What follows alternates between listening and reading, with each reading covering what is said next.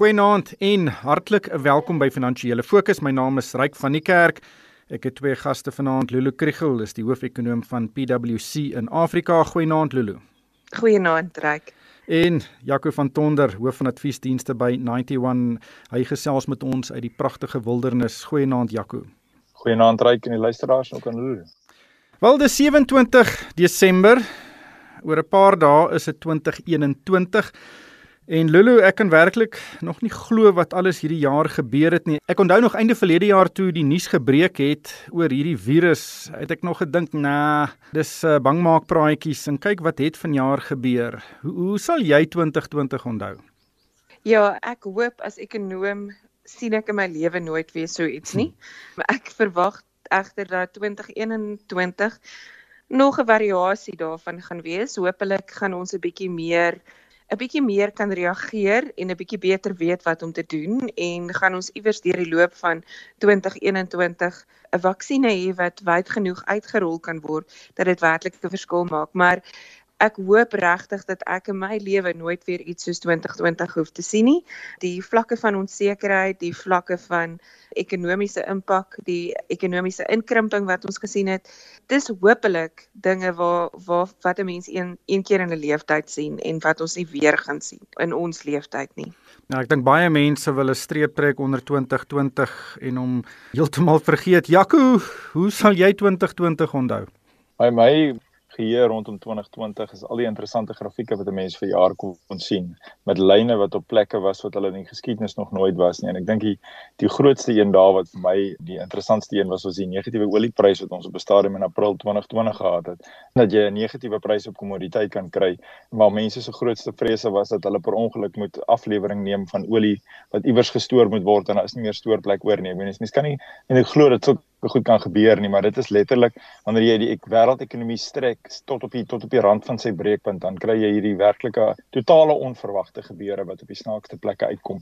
En dit was vir my die interessantste om te sien hoe, hoe weet hoe die wêreldekonomie in staat was om van hierdie veral in die aan die verskaffingskant hoe jy daai skokke waar goed net eenvoudig nie meer gelewer word nie of waar goed nie meer hanteer kan word nie, dit kan nie verskeep word nie.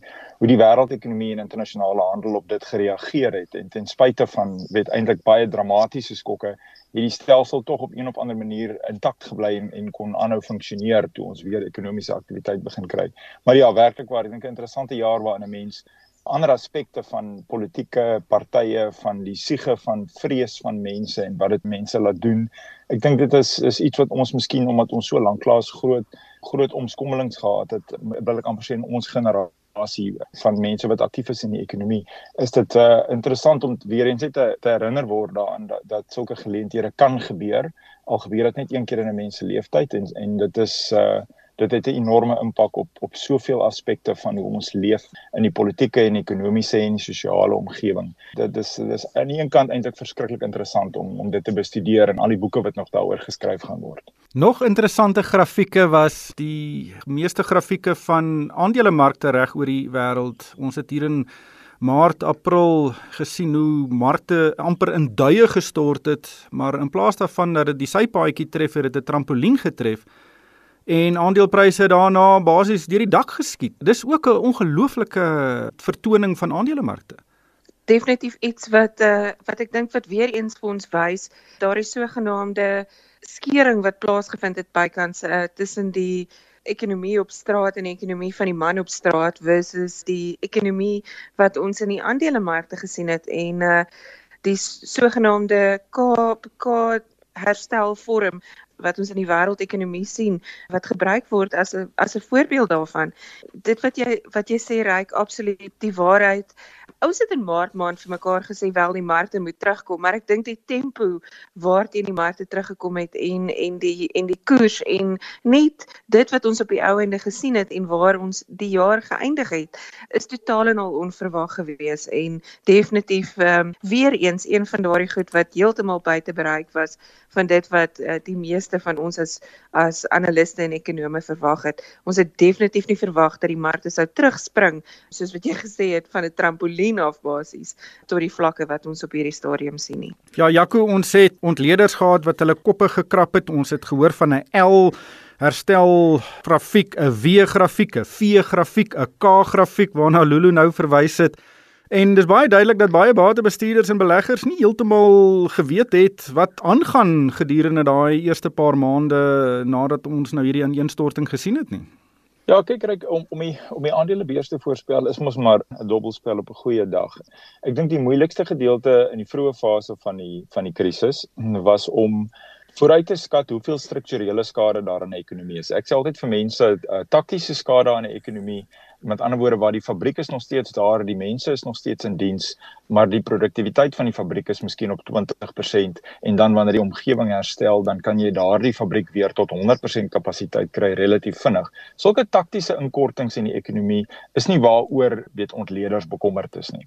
Waar hulle bekommerd is is die strukturele skade. Strukturele skade is wanneer daai fabriek nie net gaan tot 20% van produksiekapasiteit en aan die gang bly nie, maar waar daardie fabriek letterlik bankrot gaan en al die krediteure ewe skielike kredietgeval wat hulle moet hanteer, die geboue word verkoop, die mense word afgelê, die masjinerie word verkoop en jy gaan in 'n bankrotskapsproses in. Daai strukturele skade 'n skade wat wat baie langer vat om terug te kom.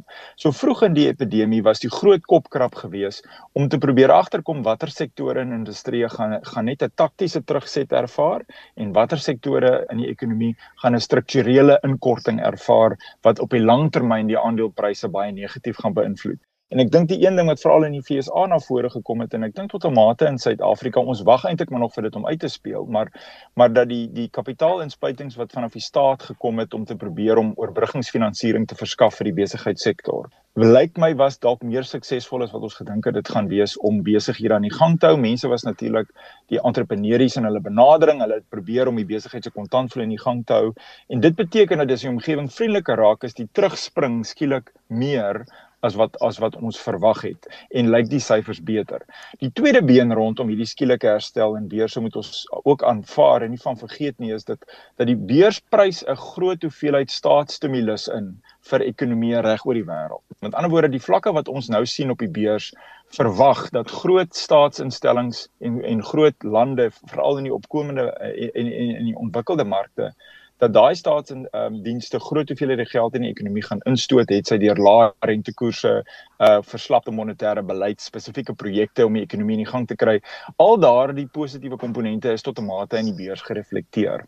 So ons moet ook versigtig wees as daar teleurstellings op enige van die programme gaan plaasvind, mag jy dalk 'n terugtrek sien in wêreldmarkte in reaksie daarop. Lulu, kom ons gesels oor die Suid-Afrikaanse ekonomie. Ons het in die eerste kwartaal was ons in resessie. In die tweede kwartaal het die ekonomie sy wind uitgeval. Dis nadat ons daar die eerste streng inperking gesien het waar die ekonomie basies vir 2 maande tot 'n stilstand gekom het. In die derde kwartaal het sake beter verloop en ons het nou nog nie die syfer vir die vierde kwartaal nie, maar dit sal hopelik ook beter wees omdat dit van 'n lae basis afkom en die verwagting is dat in 2020 hierdie ekonomie met met so 8% gekrimp. Hoe kyk jy terug oor hoe die ekonomie geraak is deur hierdie virus en die grendeltyd? Dit is baie interessant om terug te gaan om te gaan kyk na wat ons vooruitskattinge was wat die die algemene uitsig was op op watter tydstip um, rondom die rondom die Suid-Afrikaanse ekonomie en hoe dit verander het oor die laaste of oor die oor die paar maande soos wat die jaar gevorder het. Ek dink soos wat jy reg sê, niemand van ons het in Januarie of in Februarie die mate van impak verwag wat ons uiteindelik gesien het. Selfs in Maart maand het ons gedink dit gaan kort en vinnig wees en ja, dit mag dalk drasties wees, maar dit gaan vinnig wees en dan en dan is ons oor en en, en dinge is is is verby.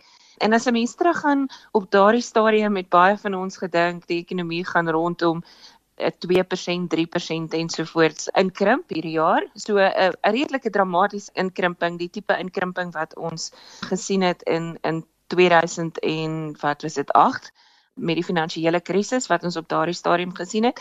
Maar niemand van ons het gedink aan 'n inkrimping van 4 keer soveel of 3 keer soveel uiteindelik uh, waar ons gaan waar ons gaan opeindig nie toe die prentjie verander, uh baie van ons het 'n redelike drastiese en ek weet PwC self ons vooruitskatting op daardie stadium was selfs vir 'n inkrimping van soveel soos 15% en het ons verwag dat dit langer gaan vat vir die ekonomie om te kan terugkom na en en ek dit is dis presies wat Jaco ook gesê het. Ek dink niemand van ons was 100% seker tot hoe mate gaan die plaaslike ekonomie beïnvloed word deur die inperkings wat ons gesien het deur gedeeltes van die ekonomie wat heeltemal gesluit is, groot gedeeltes van die ekonomie wat heeltemal gesluit was vir vir ongeveer 6 weke. Niemand van ons was seker presies hoe groot daardie impak sal wees en hoe lank dit sal vat voor ons uiteindelik daar uit sal kom nie. So hier in die middel van die jaar het ons mekaar gesê inkrimpings van soveel 14 of 15% en ek weet ons was nie alleen wat wat daardie vooruitskattinge gemaak het nie. Ja, sommige het gesê tot 20%. Ja, Ja, ja, so in ons slegte scenario's was daar van die ekonome wat gesê het tot 20% toe. Gelukkig soos wat die jaar gevorder het en soos wat ons gesien het, die die ekonomie is in staat daartoe om 'n bietjie meer te hanteer as wat ons gedink het het ons begin kyk na na inkrimpings in die in die omgewing van 8 tot 9% soos wat jy gesê het. En dis waar ons verwag dat hierdie jaar gaan eindig wat volgende jaar aanbetref natuurlik ons sien 'n uh, 'n redelike sterk uh terugspring maar um, selfs met daardie terugspring dink ons kan dit soveel soos 3 selfs 5 jaar in 'n slegte scenario vat. Dit hang natuurlik af hoe vinnig Eskom hulle self uitsorteer. Dis die ander faktor wat ons wat ons hier aan die kantlyn hou en waarvan ons nie vergeet het nie. Verwag ons dat dit dat dit enig dat dit omtrent 3 jaar sal vat voor ons gaan terug wees waar ons was teen die einde van 2019 en soos wat jy reeds gesê het, dit was nie noodwendig 'n goeie plek nie. So uh, dis nie noodwendig waar ons wil terug wees nie. Ons wil op 'n beter plek wees. Maar Jaco, daar's 'n baie klomp asse in hierdie vergelyking en die grootste ene is ons moet 'n enstof kry wat werk en ons moet genoeg van hierdie enstof kry om 'n groot gedeelte van die bevolking in te ent teen die virus. Dis eintlik die enigste manier hoe ons uit hierdie gemors kan kom en daar's groot kommer oor of ons in die eerste helfte van aanstaande jaar enigsins 'n groot aantal mense sal kan inent En daar's ook 'n kans dat uh, die meeste mense in Suid-Afrika eers amper aan die einde van die jaar hulle inspuitings kan kry. Baie gaan hiervan afhang. Ja, reg. So so ek dink die dis die grootste vraag, grootste vraagstuk dink ek wêreldwyd op die oomblik. Is maar is maar daar's twee twee bene tot daai vraag. Die een is die die uh, beskikbaarheid van enstof. Dit help nie jy te enstof, maar jy kan nie groot gedeeltes van jou populasie wat kwesbaar is uh, met die enstof inent nie. En die ander vraag natuurlik is die effektiwiteit. Ons weet die effektiwiteit van van die enstowwe was relatief hoog geweest op die oorspronklike weergawe van die virus wat ons hierdie jaar gehad het dit daar is nou verdere vrae wat begin ontstaan oor die effektiwiteit van die enstowwe op die uh, weet gemuteerde weergawe van die virus wat ons nou in uh, uh, onlangs begin sien het in Suid-Afrika en in Engeland en in ander dele van die wêreld wat lyk asof dit sekere aspekte van die virus verander het. Dit lyk asof die enstowwe behoort nog steeds te werk maar jy weet nie voordat jy nie werklik 'n grootskaalse inentingsprogramme geloods het nie. So in die volgende 2 tot 3 maande dink ek gaan die effektiwiteit van die enstof wat ons beskikbaar het baie duidelik word want daar's enorme inentingsprogramme op die oomblik in die noordelike halfrond as gevolg van hulle winter. So ons gaan 'n goeie terugvoer kry op op hoe dit hoe dit lyk. Die tweede been is dan natuurlik die beskikbaarheid vir Suid-Afrika en ek dink daar was nou al klaar vrae gewees oor of ons betyds ons betalings gemaak het vir die ont, uh, om deel te neem aan die aan die program waar ons voor ingeteken het vir die verskaffing van die eerste reeks in en stowwe.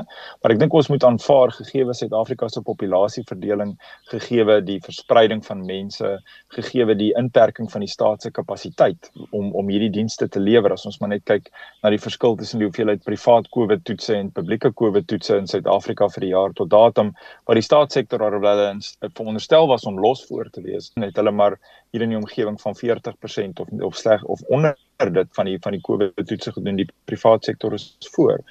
So hoe daardie politieke dinamika volgende jaar gaan uitspeel rondom die beskikbaarheid van enstof sal ons maar meer oor of die enstof in staat sal wees om die politici te ooreed om minder streng inperkings te volg. As die beskikbaarheid van enstof op so vlak is dat die politici voel hulle kan bekostig om die ekonomie meer oop te maak en want ons kan die impak van die virus bestuur, dan dink ek kan ons 'n redelike goeie uitkoms kry. Maar as ons sukkel om enstof in die hande te kry, as vra oor die effektiwiteit of daar's geografiese areas waar daar nog steeds uitbreke is wat die hospitale oorrompel soos wat ons heidaglik sien in die Wes-Kaap en die Oos-Kaap, dan kan ons nog vir die eerste 6 tot 9 maande van volgende jaar 'n ekonomiese omgewing sien wat moontlik lyk soos die een wat ons die laaste 2-3 maande gehad het. Lulu, dis nie 'n baie optimistiese vooruitsig nie, maar ek stem saam. As die enstof nie kom nie en die tweede golf net groter en groter word, gaan dit 'n baie groter ekonomiese impak hê as wat ek dink baie mense tans dink. Ja, dis ongelukkige 'n realiteit waarmee ons moet sit. Hoewel die impak minder gaan wees, dink ek nog steeds van 'n ekonomiese perspektief en hopelik het ons 'n klompie lesse geleer en en gaan ons kan aanhou om die ekonomie te laat funksioneer op 'n op 'n op 'n bepaalde manier al is daar ewige inperkings gaan dit nog steeds uh, en en kan dit moontlik baie ernstige ekonomiese impak hê. Ek dink as 'n mens gaan kyk wat op hierdie stadium besig is om te gebeur aan in byvoorbeeld die Verenigde Koninkryk is dit ongelukkig 'n les wat ons moet leer en en iets waarna ons moet kyk en 'n realiteit waarna waarna ons moet um, of wat ons moet sien as 'n moontlikheid wanneer ons by ons um, winter kom en ons het nog nie ons het nog nie duidelikheid rondom die instowwe nie. Wat Jaco gesê het absoluut ehm um, dis 'n dis 'n reuse probleem waarmee ons sit in Suid-Afrika. Ek weet van die instowwe moet onder sekere koue toestande gehou word wat ons nie oral kan doen in Suid-Afrika nie. Ons kan dit wel in die privaat sektor doen, ons kan dit wel in in redelike groot ehm um, sentra doen, maar in in baie van die kleiner plekke gaan ons dit nie gedoen kry en moet ons kyk na alternatiewe. Ek weet daar is daar is reeds alternatiewe waar daarna gekyk word, maar dit gaan nog 'n rukkie vat voordat dit beskikbaar is. So ek dink ons moet vir mekaar sê, ons moenie dink as ons as ons hierdie nuwe jaar ingaan, alles gaan skielik anders lyk like en en 2021 gaan skielik anders lyk like nie. Ek hoop dit is 'n beter weergawe van die jaar wat ons gehad het, maar die realiteit is dat uh, dat dinge nie alles skielik 100% beter gaan wees nie. Jaco net laastens, ek stem saam met Lulu, maar aan die ander kant, daar was baie vraagtekens oor hoe die regering hierdie pandemie hanteer het veral die besluite wat geneem is vroegtydens die Grendeltyd die verbod op uh, sigaretverkope byvoorbeeld en uh, die die beperkings wat op die verkope van spesifieke produkte ingestel is dit nie vir baie mense sin gemaak nie. Dink jy die regering het geleer tydens die eerste fase van die Grendeltyd oor die foute wat gemaak is en dat ons dalk eh, tydens die tweede golf bietjie meer pragmatiese besluite gaan sien wat die skade aan die ekonomie kan beperk Ja, ek ek dink ek dink definitief so. Ek dink ons het reeds met die huidige tweede golf gesien dat die staat baie meer pragmaties gereageer het. Ek dink die voordeel wat hulle nou het is hulle hulle weet nou wat die die sterfte syfers en die hospitalisasie syfers van die virus is wat beplanning makliker maak. Vroeg in die eerste weergawe Maart maand het ons geen idee gehad nie. Ons het met die syfers gewerk wat gekom het uit Italië uit en uit Engeland uit en dit was dramatiese syfers geweest. As mens daardie projeksies in Suid-Afrika gesit het, het jy het jy jou dood geskrik en dit is wat ek dink in Maart maand gebeur het. Nou verstaan ons dat daar is subtiele verskille tussen ons populasie en die populasie van meer ontwikkelde lande. Ons het jonger mense, ons het ander blootstellings aan aan ander mediese kondisies as mense hier jonk is wat hulle moontlik meer weerstandbiedend maak. Wat die rede ook al mag wees, ons sterfte syfers en hospitalisasie syfers is relatief laag as jy dit vergelyk met van die lande in die noordelike halfrond en ek dink daardie data alleen maak dat hulle baie beter tipe kwaliteit besluite kon neem in die tweede ronde wat ons nou wat ons nou gesien het. So dit is hartseer dat hulle byvoorbeeld die strande moes toemaak en ek dink die toerisme sektor in die in die Oos-Kaap sowel as hier in die in die tuinroete het 'n het 'n geweldige knou gekry as gevolg van daardie besluite. Maar ten minste is die is is die fasiliteite is nog steeds oop. Mense kan ten minste 'n vorm van verhandeling doen en ek dink daardie tipe strategie is wat ons volgende jaar uh toenemend nog gaan sien. Uh is is is dit ten minste die besluite is definitief van 'n beter kwaliteit as wat ons 6 maande gelede gesien het. Ons sal daarmee haltroep. Baie dankie aan Lulu Kriegel, die hoofekonoom van PwC in Afrika en ook Jaco van Tonder. Hy is hoof van adviesdienste by die Batebestuursgroep 91. En vir my ryk van die kerk, dankie vir die saamluister en ek hoop almal het dan maar 'n winsgewende paar dae wat nog oorbly van 2020.